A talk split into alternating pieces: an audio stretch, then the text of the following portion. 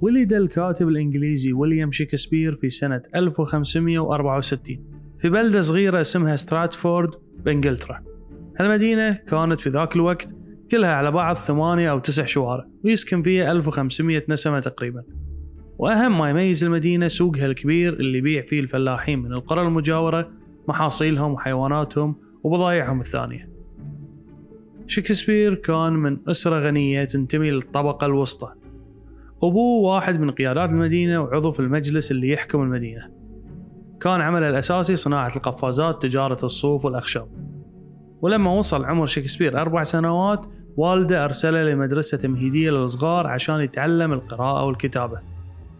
كانت المدرسة مشتركة لسن ست سنوات. بعدها البنات يهدون المدارس ويرجعون بيوتهم عشان يتعلمون من أمهاتهم والأولاد يروحون يشتغلون. واللي وضعه المالي زين يقدر يكمل دراسة وهذا اللي صار مع شكسبير اللي انضم لمدرسة محلية. عشان يتعلم اللغة اللاتينية اللي في وقتها كانت شرط أساسي لدخول الجامعات وضرورية اللي يبي يشتغل في السياسة والقانون والطب والتدريس وحتى الكنيسة. ويليام شكسبير اللي نشأ في قلب الريف الإنجليزي بين الحقول والأراضي الخضراء اللي تنمو فيها الأزهار البرية. هذا اللي ساهم بشكل كبير في بداية شكسبير في كتابة المسرحية في لندن واللي خلته يترك الدراسة في سن ال 15 عشان يتفرغ للكتابة. ما بعد هالسن يسمونه بحياة شكسبير السنوات المجهولة.